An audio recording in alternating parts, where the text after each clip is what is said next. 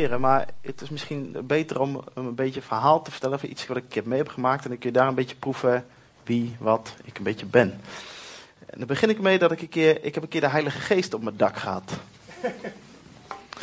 Dat klinkt misschien een beetje raar, maar ik zal het verhaal vertellen. Ehm, ik werk helaas voor sommigen bij de politie inderdaad. En ik had een keer later dienst. Mijn vrouw was alleen thuis met de kinderen. En het was een uurtje of half twaalf. Ik had mijn late dienst afgerond. Ik rijd naar huis toe. En ik kom thuis aan. We hebben thuis, uh, ons huis is best een beetje hoog. Een uh, groot plat, nee niet groot plat, groot schuindak. En uh, ik stap uit mijn auto en, en, en, ik kijk omhoog. Wat ik niet heel vaak doe. En er staat precies in het midden van ons dak, zit er een witte duif. En ik dacht, nou, dat is raar, weet je wel. Ik woon een Leusden, zoveel witte duiven zie ik daar niet, nooit eigenlijk. En hij staat precies in het midden van ons dak. Niet bij de buren, niet daar, niet, niet op de nok, ook niet in de dakgoot. Nee, precies gewoon op die, op die, die tegels. Ik, zat een beetje, ik denk, nou, dat is vreemd, weet je wel. Maar ik denk, nou, lekker laten zitten. Ik ga naar, ik ga naar binnen, ik ga slapen. Dus dat deed ik, verder geen aandacht aan besteed. En vervolgens de volgende ochtend ben ik met mijn vrouw ben ik, uh, s ochtends een kopje thee aan het drinken. En ze zegt, Simeon, het volgende was aan de hand. Gisteravond, ik was alleen thuis en het bekroop me weer een gevoel van angst. Nou, mijn vrouw die heeft jarenlang echt last gehad van angsten. En op een of andere wonderlijke manier heeft God haar door een proces gebracht en helemaal van die angst bevrijd. Heel mooi, eh, heel mooi verhaal. Maar ze zegt, ik was, ik was gisteravond alleen thuis en, ik voelde weer dat ik aangevallen werd. Weet je wel? En ja, ik wist niet wat ik mee moest doen, dus dan heb ik gewoon gevraagd, Heilige Geest, wilt u mij beschermen? En ineens dacht ik weer van, hé. Hey. En ik kreeg zo weer het plaatje te zien van Gods Geest. Die echt als die witte duif, zeg maar, die bescherming bracht op mijn huis. Op het moment dat ik er niet was, dat hij toch die bescherming gaf. En ik vond het zo mooi dat God op die manier um, eigenlijk naar je toe knipoogt. Dat je denkt van, oh, weet je, dat is zo tastbaar, zo mooi om te zien dat God werkelijkheid is. En dat wat je hem vraagt, dat hij dat wil geven. Waar ik het vandaag over wil gaan hebben, ik weet niet of het een beetje, ja, zo'n beetje zichtbaar, kijk, is het onderwerp een beetje evangelisatie. Nou, de meeste mensen, als zij denken aan evangelisatie, dan komt er toch een beetje een, een vaak een moeilijk gevoel bij kijken. Oh, evangelisatie. Nou, als je ergens vaak geen zin hebt, is het wel om te gaan evangeliseren. He, de mensen toch altijd uh, meestal of een, naar idee bij het woord, of een beetje een, uh, of een nare ervaring, laat ik het dan zo zeggen.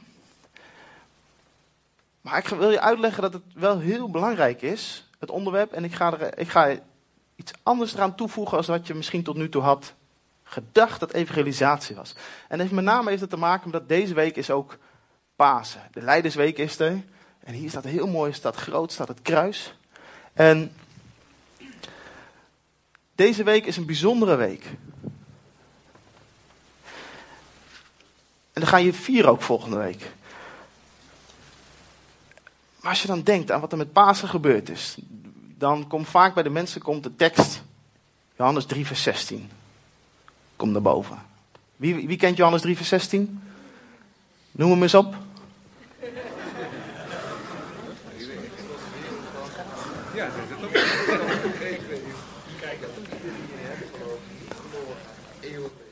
Amen. De meesten kennen hem, toch?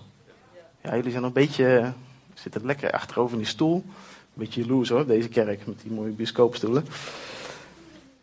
er staat dus dat God stuurde zijn zoon dat je eeuwig leven zou ontvangen. En nu is eigenlijk aan mij dan, mijn vraag aan jullie is, wat is dan eeuwig leven? Johannes geeft namelijk het antwoord. Maar wie weet dan wat eeuwig leven is? Jezus kennen. Waarom? Er staat in Johannes 3, 17, vers 3 staat er. En dit is het eeuwige leven. Dat zij u kennen, de enige gewaardige God en Jezus Christus die u gezonden hebt. Weet je, heel vaak denken mensen aan, oh, dan heb ik eeuwig leven ontvangen en dan mag ik tot een eeuwigheid, als ik helemaal in de hemel kom, dan mag ik doorleven. Maar het gekke is, of je God nou wel of niet kent, je, je zal altijd bestaan. Het zijn met hem, het zijn zonder hem. Maar Johannes zegt dus, het eeuwige leven is niet dat je eeuwig blijft bestaan. Nee, het eeuwige leven is dat je God kent. En het Griekse woord wat hier in de grondtekst gebruikt wordt voor kennen, dat omschrijft eigenlijk ten diepste een hele intieme relatie met God. Dus wil je eeuwig leven ontvangen, dan zit de sleutel erin dat je een diepe, intieme relatie met God hebt. En dan is de vraag, wie kent God zo diep? Wie kent hem? Dat je zegt van, ik, ik ken hem zo diep. Ik heb dat eeuwig leven ontvangen, die diepe intieme relatie. Ja, dan ga je nadenken. Ken ik God eigenlijk wel? Ja, hmm, ja, ik ken zijn naam. Of ja, heel af en toe, voordat ik ga slapen, dan, uh, dan ontmoet ik hem wel eens een keertje. Dan bid ik even wat. Of misschien dat je wel wat meerdere namen van God kent. De God die geneest en de God die herstelt, de God die voorziet. Misschien dat je een moment hebt meegemaakt dat je zegt van nou weet je wel, toen, toen was God aanwezig in mijn leven. Maar ten diepste gaat het om een voortdurende wandeling, een relatie zoals man en vrouw bijvoorbeeld samen met elkaar in een huwelijksbootje stappen. Dat je zegt op die manier wil ik een relatie met God hebben. Ik, ik ken het verhaal van Christian Tan, hoe hij God heeft ontmoet. Dat hij in Indonesië was en dat God hem op een avond bezocht. Ik, ik kende God vroeger helemaal niet. Ik was wel een mooi christelijk nest opgevoed. Ik ehm, ging wel naar de kerk, maar relatie met God, dat kende ik niet. En op een gegeven moment heb ik God helemaal losgelaten. Ik deed van alles wat, eh, laat ik eerlijk zijn, in mijn jaren wat absoluut niet kon en wat niet mocht. En ik raakte onder andere daarmee ook verslaafd, onder andere aan pornografie. En God was voor mij ver weg. Ik kende God niet. En ik moet er wel zeggen, ik heb het geprobeerd hoor, om te leven zonder God. En het ging me, dacht ik, altijd heel goed af. Maar ik merkte wel, mijn leven ging in een neerwaartse spiraal. En, en, en ja, weet je wel, God, ja, als er überhaupt er was, nou, ik geloofde niet in hem. En ik weet nog op een gegeven moment dat ik, ik door ook gewoon door eigen stomme keuzes, ik op een gegeven moment zo diep kwam te zitten. En dat ik op een avond dat ik een keer weer uh, ruzie had met mijn ouders. En dat ik zo klaar was met het leven. En dat ik echt dacht van dit leven, nou, dat uh, heb ik helemaal niks mee. Wat een rot leven. En toen dacht ik, ja, ik ben een beetje klaar mee, maar wie kan ik dan de schuld geven van het leven wat ik dan nu leid? En toen dacht ik, oh ja, ik ben opgevoed met God, God heeft mijn leven gemaakt, dan kan ik hem eens een keer mooi de schuld geven. En toen heb ik voor het eerst in jaren, heb ik, noem het gebeden, heb ik gepraat met God. Ik heb voor het eerst gezegd, God, als je er bent, laat maar eens wat van je horen. Want ik dacht, dan kan ik God ter verantwoording roepen voor de rotleven wat hij mij gegeven heeft. Het gekke was, ondanks dat ik niet echt geloofde in God of geen idee had wie die was, dat God antwoord gaf. En God sprak tot mij op dat moment. En ik hoorde een stem. En die stem, ik kan het alleen maar omschrijven als die stem, die hoorde ik niet met mijn uh, oren, zo hoorbaar zoals jullie nu mij verstaan. Maar die stem die was helemaal aanwezig. En die stem die, die klonk in mij en die vulde me helemaal op. Maar die stem was ook gewoon in mijn kamer en vulde alles op. En het was door, door, door dat die stem gewoon licht gaf. Letterlijk dat ik in mezelf kon kijken. En dat ik zag hoe duister het in mij was. Maar hoe die stem met dat licht mijn hele binnenste helemaal opvulde. Zo klonk God. En ik wist toen ik het hoorde, dat kan alleen maar God zijn. En wat God tot mij sprak was, hoe gaat het met je? Nou, heel vaak, natuurlijk heel vaak mensen spreken, hey, hoe gaat het, hoe gaat het met je? Nou, weet je wel, ja goed, zo, zo. Maar ik hoorde die stem en die zei tegen mij, hoe gaat het met je? Nou, ik, heb, ik schrok me wild, laat ik eerlijk zeggen. Ik heb alleen maar gezegd, u weet hoe het met me gaat. Ik ben mijn bed ingesprongen en mijn dekens echt letterlijk over me heen getrokken en ben gaan slapen. Maar toen ik daarna ging nadenken over wat God hem gesproken had, ik dacht altijd, God, nou, als die al bestond, van alles wat ik gedaan had, nou, daar was hij helemaal niet blij mee. Daar moest hij wel hartstikke boos om zijn. Want ik deed van alles wat, wat, wat hij verboden had. En toch zei God niet van, Simeon, wie denk jij wel dat je bent? Je doet dit fout, doet dat fout, ga eens met dit eens even in orde maken. En uh, dan mag je een keer bij me terugkomen. Nee, God vroeg, hoe gaat het met je? En ik wist, God is niet boos op me, maar God is geïnteresseerd in mij. Toen dacht ik, wow, dat, dat komt ineens dichtbij. En ik wist, God stelde een vraag, hoe gaat het met je? Dat hij antwoord verlangde op die vraag, dat ik dus met hem ging delen hoe het met me ging. Hoe mijn leven gewoon eruit zag en dat ik dat aan hem ging vertellen. Dus heel langzaamaan ben ik dat een beetje gaan proberen en ben ik dat een beetje gaan doen. En God, ik heb God zoveel mogen zien, ervaren en zijn hand op mijn leven mogen zien. En wonderen mogen meemaken. Gewoon puur omdat ik mijn hart met hem ging delen. Nou, ik was hierin, zoals de Bijbel het noemt, een getuige van een ontmoeting met God. Nou, jullie weten, ik ben politieagent. En een van mijn taken als politieagent is, als er iets gebeurd is, om dan te, uit te gaan zoeken of er mensen zijn geweest die getuigen zijn geweest van datgene wat er heeft plaatsgevonden. Dus een inbraak, een overval, een vechtpartij, een ongeluk. En wat ik dan doe als politieagent, ik ga aan die mensen vragen: hey, je bent getuige geweest, wat heb je gezien? Wat heb je gehoord? En dan ga ik dat heel mooi ga ik dat opschrijven op een, eh, noemen ze dan een proces verbaal. En, en, en tijdens het proces verbaal is die getuige dus aan het vertellen. En schrijf ik eigenlijk alleen maar op wat die getuige heeft gezien en wat hij heeft gehoord. En als ik dan klaar ben, dan zeg ik, nou, dan lezen we het verhaal nog eens een keer door. En dan zeg ik, klopt, het, wat, klopt dit? Is het verhaal zo goed van wat je hebt meegemaakt? Ja, dat klopt. En dan tekent die getuige, die tekent voor zijn verklaring. En ik als politieagent teken ervoor dat ik het verhaal heb aangehoord en zo heb opgeschreven als die getuige het heeft verteld.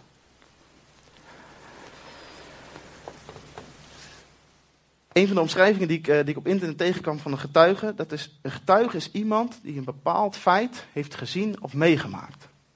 Het mooie is van het verbaal wat ik dus opmaak, ik teken ervoor en die getuigen ook. Maar de Bijbel zegt ook dat wij getuigen zijn. En het mooie is dat waar je getuige van bent, daar teken je voor.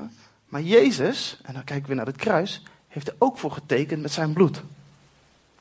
En hij zegt, weet je wel, dat wat jij hebt meegemaakt, dat bevestig ik, dat beaam ik. En dan is het mooie, net zoals dat een getuigenverklaring um, in, een, in een zaak voor de rechter komt. Zo komt datgene wat jij met God hebt meegemaakt en waar jij getuige van bent, komt op een gegeven moment ook voor God te liggen. Hij is dan de rechter. En hij zegt van ja, zo is het gegaan. Dit is bewijsmateriaal, dit klopt. Weet je alleen wat het gek is van een getuige als ik die tegenkom, wat ik niet kan zeggen? Ik kan niet zeggen, hé, hey, dat klopt niet wat jij hebt gezien. Dat klopt niet wat jij, uh, wat jij hebt gehoord. Waarom niet? Ik was er niet bij. Dus het verhaal van een getuige maakt iets heel unieks en helemaal authentiek. Het is puur het verhaal van die persoon, hoe die dat beleefd heeft.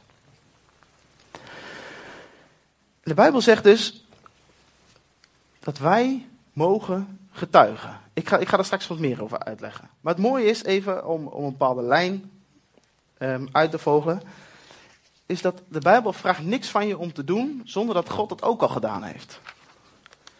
Dus als we kijken naar wie er nog meer allemaal getuigen zijn, dan kijken we als eerste kijken we naar God. En God de Vader is ook getuige. Want er staat namelijk in Johannes 5, vers 37, dat zegt dus Jezus aan het woord, en zegt de Vader die mij gezonden heeft, heeft dus zelf een getuigenis over mij afgelegd. Dat is bijzonder. God zegt, ik ben ook getuige. Ik maak ook van alles mee. En ik ben ook aan het werk. En mijn getuigenis staat vast. Jezus is ook getuige. Openbaring 3 vers 14 zegt, schrijf aan de engel van de gemeente in Laodicea, dit zegt amen, de trouwe en betrouwbare getuige, het begin van Gods schepping. Jezus is ook getuige. Jezus zegt heel vaak, volg mij. Als je iets wil gaan doen, dus als je bijvoorbeeld getuige wil zijn, dan mag je eerst naar Jezus kijken. Hé, hey, hij heeft het voorgedaan. Ik mag hem volgen. En er staat er ook nog heel mooi, om de drie eenheid compleet te maken, dat de Heilige Geest getuige is. Er staat namelijk Johannes 15, vers 26. Wanneer de pleitbezorger, de Heilige Geest is dat, komt, die ik van de Vader naar jullie zal zenden, de geest van de waarheid, die van de Vader komt, zal die over mij getuigen. En dat is dan weer zo bijzonder, want Gods geest is in jou. God heeft ervoor gekozen om zijn geest naar je toe te zenden en te zeggen, weet je wat, ik wil dat jij mijn getuige, getuige bent, maar dat hoef je niet uit jezelf te doen. Ik zend namelijk degene die zelf al getuige is. En van daaruit mogen wij getuigen. Er staat namelijk in Handelingen 1 vers 8 en daar komt hij dan. Wanneer de Heilige Geest over jullie komt, dus je hebt al voorwaarde 1, de Heilige Geest heb je nodig. Als die overkomt, zullen jullie kracht ontvangen en van mij getuigen in Jeruzalem, in heel Judea en Samaria tot aan de uiteinden van de aarde. Dus overal waar je komt, zul je een getuigenis afleggen van wie God is. 1 Johannes 5 vers 10. Wie in de Zoon van God gelooft, draagt het getuigenis in zich. En dit getuigenis luidt, God heeft ons eeuwig leven geschonken en dat leven is in zijn Zoon. Nou, kijk je weer naar dat eeuwig leven, dus daar staat er eigenlijk, God heeft ons hem doen laten kennen en dat kan door zijn Zoon. Hij zegt dus, je, je, je hebt Jezus ontmoet. En doordat je Jezus ontmoet hebt, heb je al een getuigenis in je. En dat is heel belangrijk. Het is, ik, wat, wat ik hiermee wil bereiken is dat je eens gaat nadenken. Hé, hey, wat heb ik al ontvangen van God? Welk getuigenis, welk verhaal draag ik al in mij? Wat ik naar buiten toe mag uitdragen. Want dat is natuurlijk waarvan je dan weer getuigt. Je hebt iets meegemaakt. En zoals ik dan mocht getuigen van mijn ontmoeting met God, dat God dat tot mij sprak, hoe gaat het met je? Zo denk ik dat ieder van jullie die hier zit, een getuigenis heeft. Want je zit hier, als het goed is, omdat je God kent. Of in ieder geval een keer een moment hebt gehad dat je zegt, hé, hey, toen heb ik God gezien. Toen heb ik God ontmoet. Toen wist ik, hij is er. Of misschien ben je wel gewoon op zoek naar hem.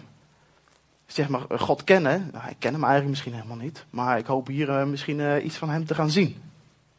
Dat mag. En dat kan. Maar de, de Bijbel is eigenlijk heel duidelijk. Als je voor Jezus gekozen hebt. Dan heb je dus al iets ontvangen in je. Waarvan je mag getuigen.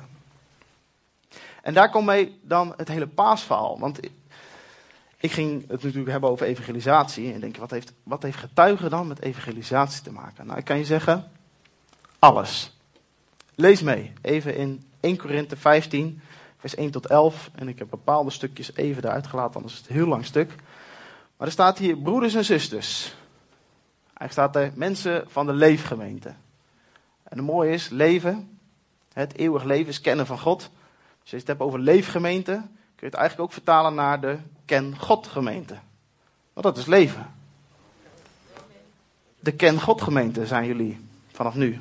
Sorry, beetje eigen interpretatie. En er is Paulus het woord en hij zegt ik herinner u aan het evangelie dat ik u verkondigd heb. Ik dus het evangelie, gewoon een goede boodschap die ik verkondigd heb, dat je hebt aangenomen en dat het fundament is van je redding. En dan komt hij, het belangrijkste dat ik heb doorgegeven, en dan gaat het dus over het evangelie, is dat ik op mijn beurt ook weer ontvangen heb, is dat. 1. Christus is voor je zonde gestorven. Zoals in de schriften staat. 2. Hij is begraven. En 3. Hij is op de derde dag weer opgewekt, zoals in de schriften staat. En dan komt hij. En 4. Hij is verschenen aan Kefas en vervolgens aan de twaalf leerlingen. Daarna is hij verschenen aan meer dan 500 broers en zussen tegelijk. En vervolgens aan Jacobus. En daarna aan alle apostelen. En dan eindigt hij ermee dat hij zegt, maar pas op het laatst is hij ook aan mij verschenen. Hoe dan ook, het zijn nu, uh, of, het zijn nu zijn of ik, dus de andere of ik, wij verkondigen allemaal dezelfde boodschap. En door die boodschap bent u tot geloof gekomen. Hij neemt hier dus vijf punten van het evangelie aan. Hij zegt, het evangelie is één. mag reageren. staat er. Christus is gestorven voor onze zonden. Hij is begraven. Hij is opgestaan. Hij is aan velen verschenen. En het laatste punt, hij is ook aan mij verschenen. En dat is dan het mooie, want als het evangelie alleen maar was, Jezus is gestorven en hij is weer opgestaan, dan blijft het een verhaal van 2000 jaar geleden. Van wat er toen gebeurd is. En dat hij aan vele mensen verschenen is, super gaaf. Mensen hebben Jezus leren kennen. Hé, hey, Jezus leeft. We mogen God leren kennen. Maar als het verhaal niet tot jou doorgedrongen is, wat Jezus daar heeft gedaan, dat hij gestorven is en dat hij weer is opgestaan, dan blijft het verhaal van toen. Maar het evangelie is dat het kruis en wat er toen gebeurd is, nooit heeft ingeboet aan kracht. Het verhaal van toen is nog net zo krachtig vandaag de dag. En daarom heeft het, als het goed is, ook jou geraakt. En ben jij onderdeel geworden van het volbrachte werk van Jezus. En dus kun je met Paulus dan zeggen: hé, hey, maar Jezus zijn heel veel mensen verschenen. Heel veel mensen kennen hem. Heel veel mensen zijn tot geloof gekomen. En maar, ik heb hem ook leren kennen. Hij is ook aan mij verschenen. Moet je horen wat er gebeurd is. Nou, je leest al die brieven van Paulus, wat hij allemaal meemaakt met Jezus. Wat hij allemaal gezien heeft en wat hij allemaal gedaan heeft. Maar het blijft niet alleen maar voor toen. De tekst is ook voor ons voor nu. Zegt, hé, hey, maar Jezus is ook aan mij verschenen. Het goede nieuws, ik ben gered. Mijn zonden zijn van me af. Ik ben gestorven met Jezus, maar ik ben weer opgestaan. Ik heb een nieuw leven ontvangen. Dat is de goede boodschap van nu. Dan wordt het goed nieuws niet voor toen en niet voor een aantal enkelingen die wil Jezus ontmoeten. Het wordt goed nieuws voor jou. En dus zegt Jezus, je hebt een getuigenis ontvangen. Waarom? Je hebt meegemaakt dat je ontmoeting met mij hebt gehad. En dat is jouw getuigenis.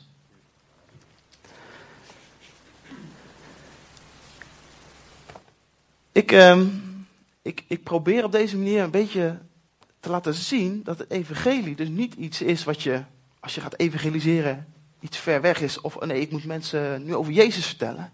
Nee, het evangelie is dus, je mag mensen jouw verhaal vertellen. En daardoor maak je het heel persoonlijk.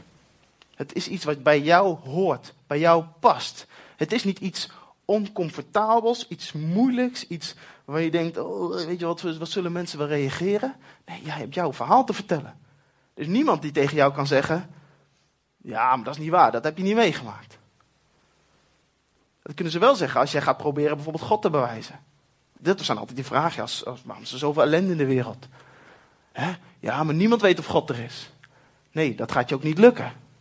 Maar je kan wel jouw verhaal vertellen.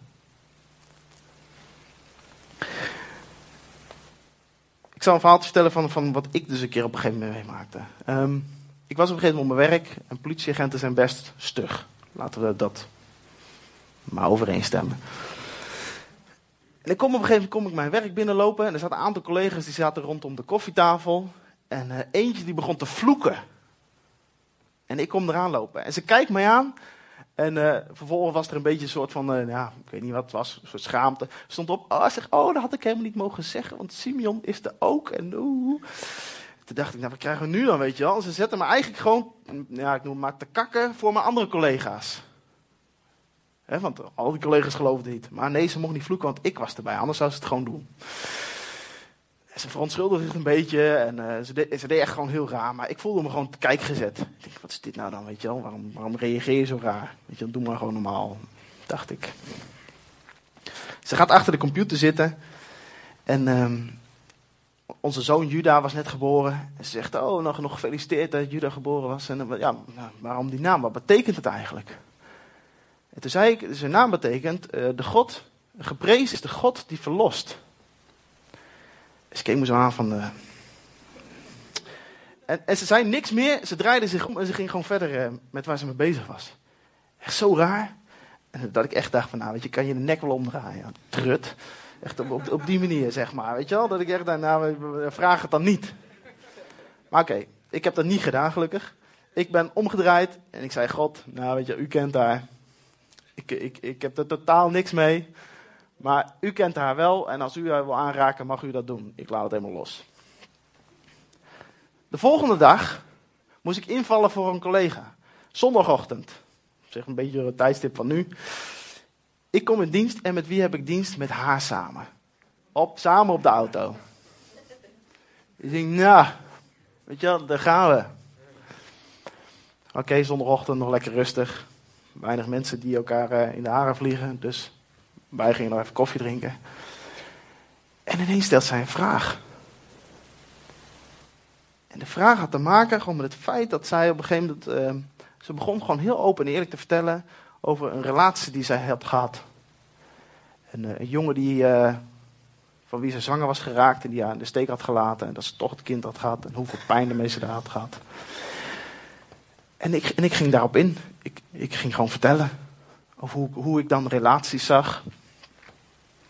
En ik, ik kwam natuurlijk uit op een gegeven moment bij God. Hè, de, de relatie die ik had. En ik gewoon, een uur lang heb ik gewoon verteld over wie God in mijn leven was. Hoe ik hem had ontmoet. Het verhaal wat ik net had verteld. En, en nou ja, we hadden gewoon eigenlijk ons eigen zondagochtenddienstje, zeg maar, op ons bureau. Betaald ook nog. Dat is heel belangrijk. Twee uur lang, meer, meer dan twee uur lang. Andere collega's komen erbij. Die horen het verhaal aan. Zeggen, ja, maar ik heb dit en dit meegemaakt. En ik ben gewoon aan het vertellen. Ik doe helemaal niks. Ik heb helemaal niks gedaan, niks gearrangeerd. Ik had alleen maar de dag van tevoren gebeden, God, raakte u haar maar aan. En we waren een beetje klaar. En op een gegeven moment kwam wel de eerste melding. Dus ze staat op en zegt, Simeon, dankjewel. Je hebt precies verteld waar ik zo'n behoefte aan heb. De maand erop krijgt ze een ongeluk en daarna ze weggaan met de politie en heb ik haar eigenlijk nooit meer gesproken. En ik was zo dankbaar dat ik toch, ondanks dat ik er wel de nek om kon draaien, dat ik ervoor gekozen had om te zeggen, nou God raakt u aan me aan. En dat God gewoon precies mij gebruikte als kanaal om haar aan te raken. Waarom, zegt de Bijbel, dat wij moeten getuigen? Nou, er zijn meerdere redenen waarom je mag getuigen. De eerste en meteen de belangrijkste reden. Het maakt dat je meer en meer op Jezus gaat lijken. De Bijbel zegt, we hebben net gelezen, wie de zoon heeft, heeft het getuigenis in zich. Dus je hebt Jezus in je. En hij is, we hebben vanochtend gehoord, hè, de weg, de waarheid en het leven. En hij is dus in jou. En op het moment dat je gaat getuigen, dan ga je laten zien wie Jezus is. En hij wordt dus zichtbaar door jou heen. Daarom roept Jezus ons ook op van vertel nou je verhaal, schaam je nou niet voor mij. Ik heb daar gehangen, hè, naakt. Vol schaamte in principe. Ik, al die schaamte en schande heb ik op me genomen. En Jezus zegt, schaam je nou niet voor mij. Sterker nog, als je je niet voor mij schaamt en gewoon het evangelie vertelt, man, dan zal ik je eren bij de Vader. Dat is een beloning. Schaam je niet voor wat Jezus voor jou heeft gedaan. Maak dat kenbaar. Um, een andere reden om het te doen is, het is een opdracht. Psalm 40, vers 11 zegt zo mooi: Ik zwijg niet over uw goedheid, maar getuig van uw trouw en uw hulp. Ik getuig van uw trouw en uw hulp. Wie kan dat zeggen in zijn leven? Dat je zegt toen is God trouw geweest aan mij. Toen heeft God mij geholpen. Het zijn verhalen die mogen dus klinken. Je moet dat niet verzwijgen. Als je wil dat Gods licht schijnt. Hè, de Bijbel zegt heel mooi dat, als, dat je bent als een licht op de berg. Van ver af wordt je gezien. Je mag zijn als een uh, lamp die niet onder de korenmaat verstopt moet worden, maar die midden in de kamer wordt neergezet. En dat je gewoon zegt van, maar ik ga vertellen van de trouw en van de goedheid en van de hulp van God. De Bijbel roept je ertoe op. God moedig je ertoe aan. En hij zegt, ik geef je alles wat je ervoor nodig hebt. De kracht van de Heilige Geest. Mijn zoon in jou. Mijn ontmoeting met jou. Getuigen, dat mag je doen. Het is een opdracht. Waarom? Omdat ook jij hier zit, omdat ooit eens een keer iemand, als het goed is, aan jou heeft verteld wie God is. Wat hij, wat hij heeft meegemaakt in zijn leven. Dat jij zelf op een gegeven moment bent gaan zoeken, hé, hey, die persoon heeft God ontmoet. Ik wil God ook ontmoeten. En dat je ergens dus een ontmoeting met Hem gehad mag hebben. God is niet abstract of ver weg. God kan zo dichtbij komen. Als je hem zoekt. Een andere reden waarom je mag getuigen, is dat geloof neemt toe Sowieso bij christenen en bij niet-christenen. Ik zat op even op jullie site te kijken. De Leefgemeente Zutphen. Het gekke was, helemaal onderaan stond pas een blokje met getuigenissen. Daar klikte ik op en toen zag ik de ene getuigenis na de andere. Maar als je die verhalen leest, denk je, wow, wat is God goed. Wow, wat is God groot. Wow, wat kan God het onmogelijke doen in juist in onmogelijke situaties. Waarom? Hij is een God van wonderen. Hij is een God van kracht. Hij is een God van liefde. En hij grijpt dus in. En als je al die verhalen leest, denk je echt van, wow, weet je wel, het, het is niet iets vaags. Ik had zelf een keer een vriendin die kwam naar me toe en hij zegt, ze zei, ja, ik, ik, ik heb God bijna nooit ontmoet, maar ik heb wel een keer een moment meegemaakt. En toen, toen zwom ze in de oceaan. En ze zegt, er was een onderstroom en die trok mij weg. En ik heb, ik heb lopen ploeteren, ploeteren, tot ik op een gegeven moment helemaal leeg was en geen energie meer had. En ik werd zo de zee ingetrokken. En ik, en, ik, en ik, ik dreigde gewoon, ze zegt van, ik dreigde letterlijk te verdrinken. Maar de kracht ging uit mij en ik werd meegetrokken. En ze zegt uit het niks, er was verder niemand echt aan het zwemmen daar. Kwam er een of andere jonge man, die ziet mij, die, die zwemt op mij af en die trekt mij uit die stroming mee naar het strand. En ik ben op het strand en ze, ze was daar samen weer met de vriendin. En ze kijkt om zich heen en die jonge man die was weg. Ze hebben niet kunnen bedanken, ze hebben niet eens zijn naam, weet ze. Maar ze vertelde van, ik geloof nog steeds dat het een engel was die God gestuurd had. Maar als je dat verhaal hoort, denk je van ja, maar God is een God van wonderen. Hij is zo concreet, hij is zo reëel. Um, nog een reden waarom we mogen getuigen. Het zet de gaven van de geest vrij. Namelijk, in 1 Korinthe 1 vers 5b staat, alles wat u zegt en al uw kennis bewijst dat het getuigenis over Christus bij u verankerd is. En hierdoor, dus waardoor? Dat het getuigenis bij Christus in je verankerd is, daardoor ontbreekt het u geen enkele gave van de geest. als de geest van de getuigenis in je is, dan is alles, zijn volheid, wie hij is, is ook tot jou ter beschikking. Dat wil hij ook door jou heen doen. Wat zijn de gaven van de geest? Noem er eens een aantal. Profetie, spreken tongen. Woorden van kennis, geloof, genezing. Ja, is flauw hè, dat ik het een beetje zo hier voor blok. Ik, ik, lees ze even allemaal op. Ik moet het ook voorlezen, moet nagaan. Kennis. Woorden van kennis. Wijsheid. Als je het soms zelf niet weet, komt Gods geest met een, een diepere wijsheid, een inzicht waar je zelf misschien niet op gekomen was. Geloof. Genezing. Wonderen. Profiteren. Klanktaal spreken. Spreken in tongen, of hoe je wat voor naam eraan geeft. En de onderscheiding van spreken in klanktaal. Dat is wat de geest, zeg maar, naar buiten laat uitvloeien tot zegen voor jou. Op het moment dat jij gewoon zegt: Oké, ik ben een getuige en ik ga dat doen, ik ga dat vertellen. En nog een hele belangrijke om te getuigen, is dat het geeft overwinning.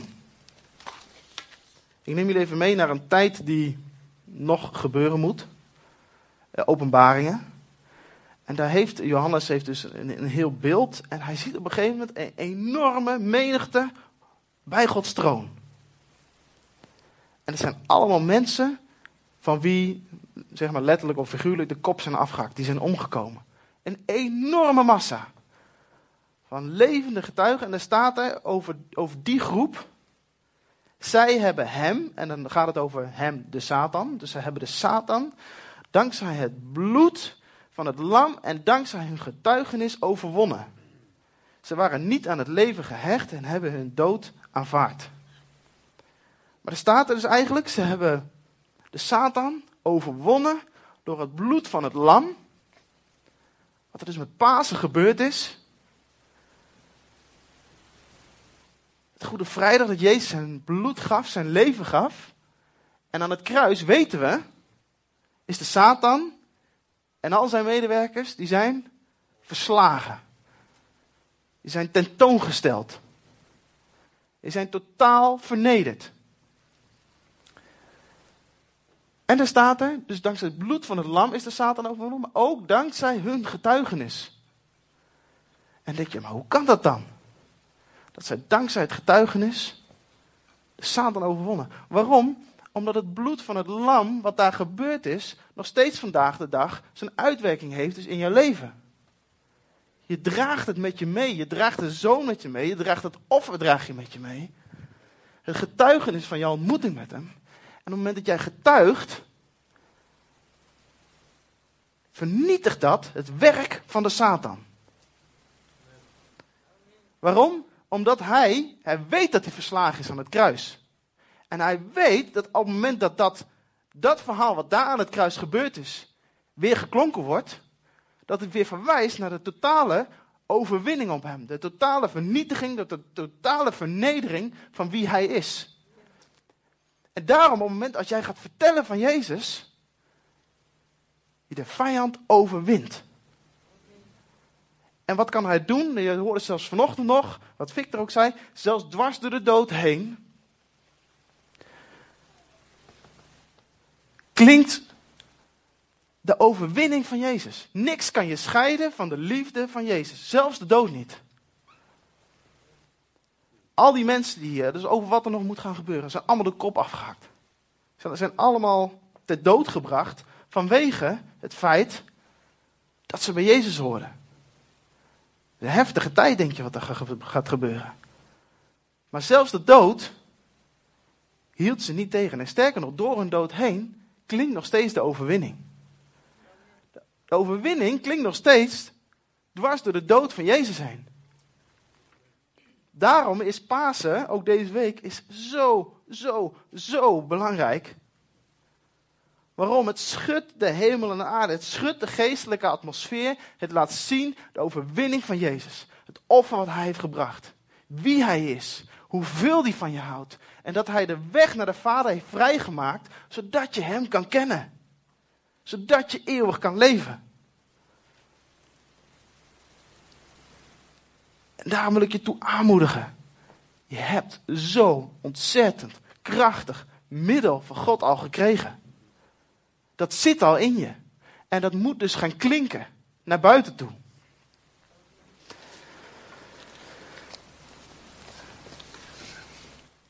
Dan wilde ik daarom nog even iets toevoegen aan getuigen. En dat is een beetje waar ik nu mee wil gaan eindigen. Zie, Johannes 16, vers 8 staat de volgende. Dat gaat over de Heilige Geest. En als die, de Heilige Geest dus, gekomen is, zal hij de wereld overtuigen van zonde, van gerechtigheid en van oordeel. Van zonde omdat zij niet in mij geloven, van gerechtigheid omdat ik heen ga naar de, naar de Vader en u mij niet meer zult zien, en van oordeel, en dan komt hij weer, omdat de vorst van deze wereld, Satan dus, veroordeeld is. Maar wat staat hier? Als de Heilige Geest komt, zal hij de wereld overtuigen. En dat is vaak het probleem van, ik noem het maar, de christenen algemeen. Vaak denken wij, ja, maar de wereld wil ons helemaal niet horen. Of ik heb zoveel moeite gedaan, maar ja, die persoon is niet tot geloof gekomen. Heb ze niet bekeerd. En die lopen maar te trekken. Oh ja, je moet voor Jezus kiezen, want dan. En dan ga je niet naar de hel en dan weet ik veel allemaal. En dan zijn ze zo teleurgesteld van mensen die wijzen ze af. Zeggen, ja, weet je heeft niks mee te maken. Nee, wat ben je aan het doen? Jij bent aan het proberen mensen te overtuigen. Maar je bent aan het doen wat niet jouw taak is. Waarom? Het overtuigen is een taak van de Heilige Geest. Jij mag getuigen en de Heilige Geest overtuigt. En ik zie het dan maar zo dat op het moment jij de woorden van God spreekt, van wat Hij gedaan heeft in jouw leven, hoe jij hem ontmoet, en dat je het evangelie verkondigt, en dat de Heilige Geest daar overheen met die woorden daar kracht aan verleent, en de harten van de personen raken die naar jou luisteren. En wat hoef jij dan te doen? Helemaal niks. Je laat het los, je zegent ze, je brengt ze bij God de Vader. Maar die mensen moeten zelf, en dat is ook waarom ik daar zo de nadruk op legde, moeten zelf een ontmoeting hebben met Jezus. Jij kan dit niet arrangeren. Mensen moeten zelf zeggen, ik stap naar Jezus toe. ik maak een keuze. Of dat Jezus naar ze toe stapt en zegt, hier ben ik. Maar dat is dus niet aan jou. De Heilige Geest is degene die dus overtuigt. En daarom wil ik ook een beetje een stukje spanning omtrent het hele evangeliseren wegnemen. Want je moet dus niet doen waarvoor je niet gemaakt bent. Maar je moet wel doen wat God je al gegeven heeft. Dat brengt zo'n stuk rust en zo'n stuk ontspanning.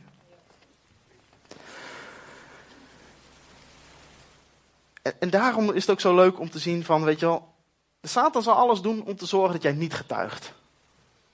Want hij weet wat daar gebeurd is. Hij weet wat er met Pasen gebeurd is.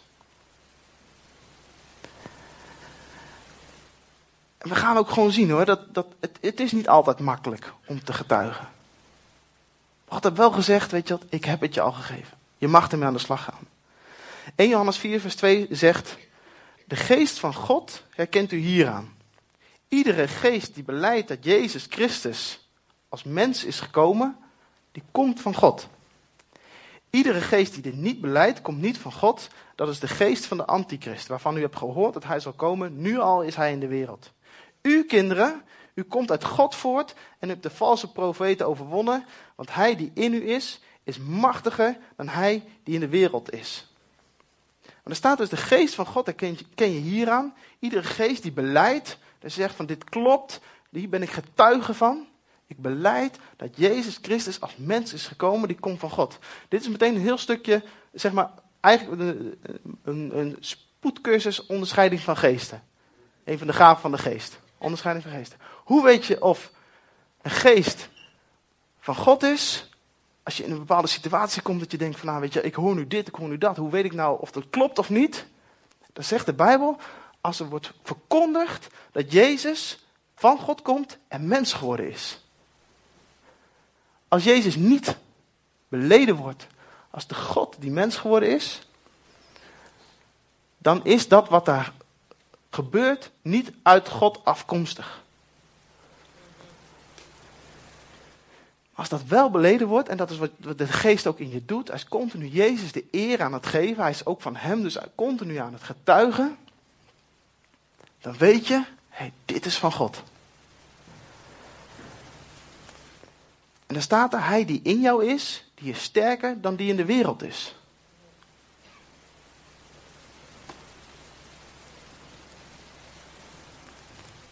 Snap je, de Heilige Geest die in jou is, is sterker dan wie de wereld is. Daarom hoef je niet bang te zijn voor wat jou gaat overkomen.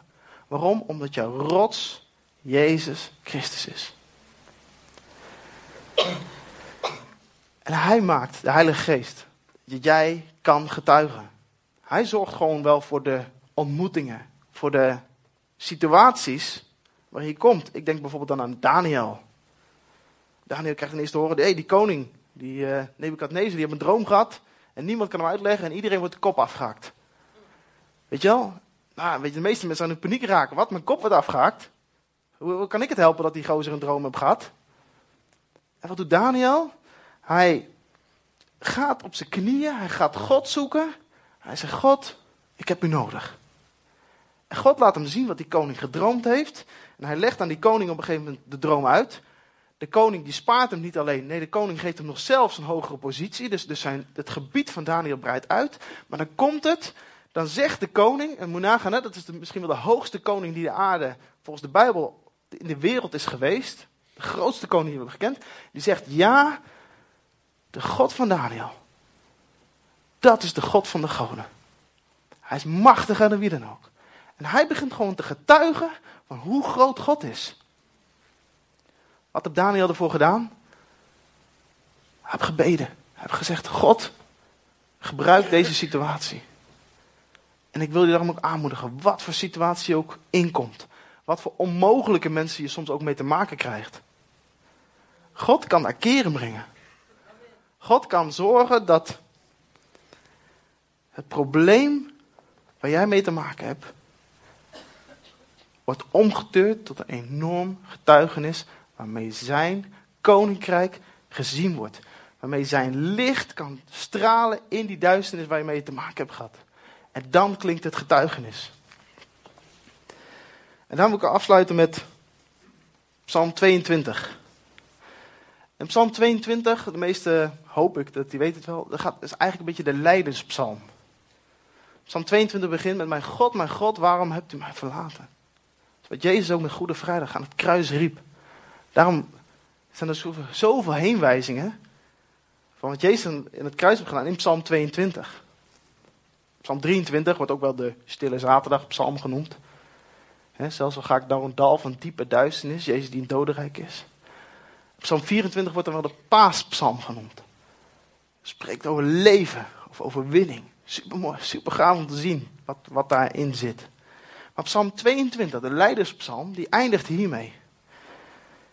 Het gaat over, de, over David, die schrijft eigenlijk over wat er gaat gebeuren. En er staat: Een nieuw geslacht zal hem dienen. En aan de kinderen vertellen van de Heer. Aan het volk dat nog geboren moet worden, zal het van zijn gerechtigheid verhalen. Hij is een God van daden. Het verhaal staat hier, zal klinken dat we niet zomaar een God hebben, maar we een God die werkelijk verschil kan maken. Een God die reageert, een God van daden. En die verhalen, die daden van wat God in jouw leven hebt gedaan, en dat is niet alleen dus je ontmoeting, maar van alles wat je hebt meegemaakt in je leven, dat mag je vertellen. Dat mag de wereld in.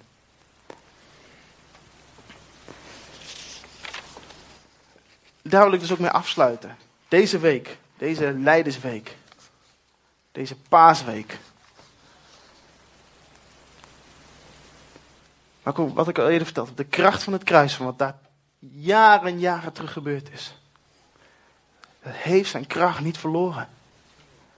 Het geldt nog steeds vandaag. Het redt nog steeds mensen. Het bevrijdt nog steeds mensen. Het geneest nog steeds mensen. Je hoort de verhalen. En ik wil je ook oproepen. Kijk in jezelf. Wat heeft God al in mij gelegd? Waarvan mag ik getuigen? Welk verhaal heb ik te vertellen? Hoe heb ik God ontmoet? Hoe ken ik hem? hoe zit zijn leven, Vader, Zoon en Heilige Geest, in mij verankerd?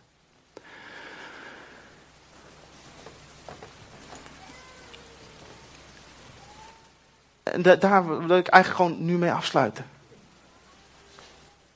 Denk eens na, wat heb ik gekregen? Maar ik wil ook nog een oproep doen. Voor mensen die zeggen: Simeon, hartstikke leuk wat je tot nu toe verteld hebt. Maar ik heb niks te getuigen. Ik ken God niet.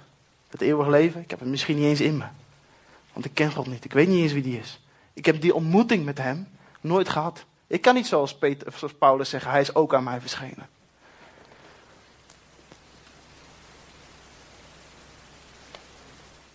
Wil ik je gewoon gaan vragen. Als, als dit voor jou geldt. Als je zegt, ik heb die ontmoeting met God nodig. Gewoon heel simpel. Steek je hand op. En zeg, God, ik heb een ontmoeting met u nodig. Dan wil ik gewoon heel simpelweg voor je bidden. Dan zal uh, Rianne, kom maar. zal even een, een, een lied zingen. En gewoon tijdens het lied, wat er geklonken wordt. Dat je gewoon eens gaat zeggen, God, ik heb het nodig. Misschien wel opnieuw, om die ontmoeting met u te hebben.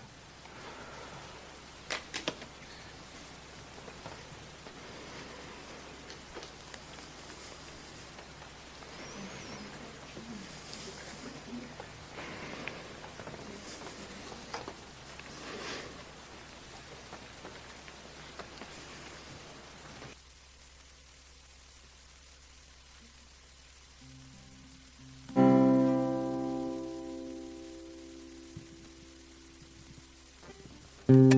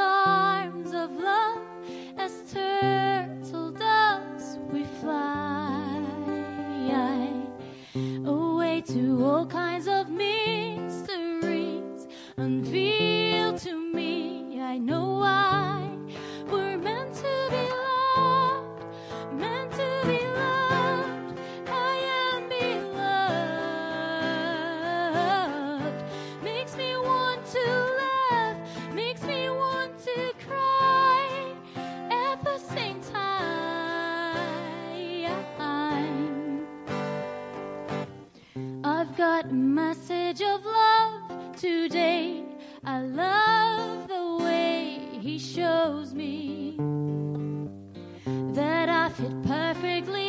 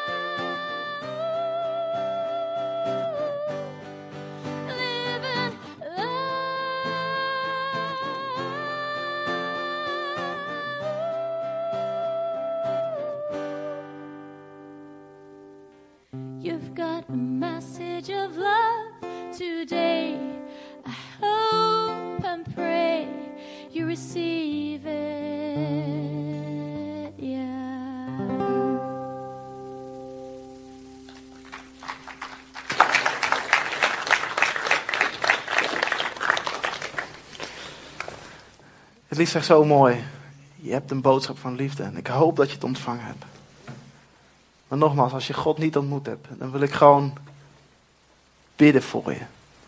Ik- wil alleen maar vragen aan jou of God jou wil ontmoeten. Als er mensen zijn die dat willen, heel simpel, mag ik dan even hand zien.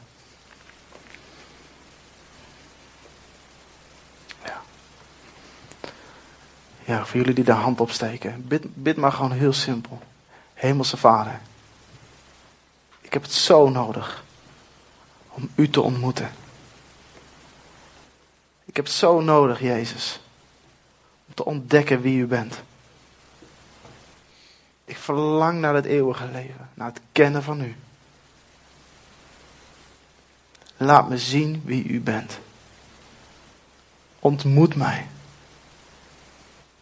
Ik dank u dat wat 2000 jaar terug aan het kruis gebeurd is. Dat het zijn uitwerking tot op de dag van vandaag heeft. En ik bid dat ik ook een getuige zal zijn van mijn ontmoeting met u. U geeft het mij. U legt het in mij. Maar gaat uw gang. Ik wil u ontmoeten. In Jezus' naam. Amen. En voor de leefgemeente, ik denk dat we nog een lied gaan zingen. Victor is weg. Stiekem verstopt. Bid ik dat je, dat je deze week gewoon ingaat. Ik weet niet wie de zegen uitbidt. Jullie, eh, Arenda. Dat Arenda, ik wil je aanmoedigen om gewoon de zegen uit te bidden. Om de getuigenis wat God je al gegeven heeft, dat het deze week zal klinken. Dat wat er met Pasen gebeurd is, dat het zo gaaf is dat je de boodschap vandaag de dag nog steeds mag vertellen. Amen.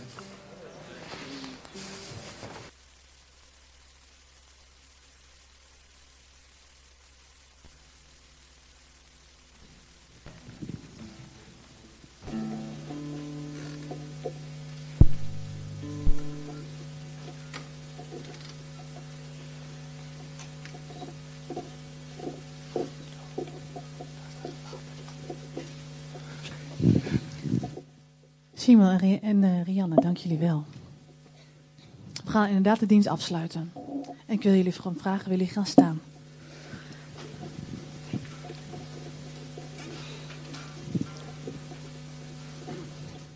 Er worden zometeen eh, bij de deur traktaatjes uitgedeeld. Het is eigenlijk alleen een simpele uitnodiging om volgende week in de dienst te komen.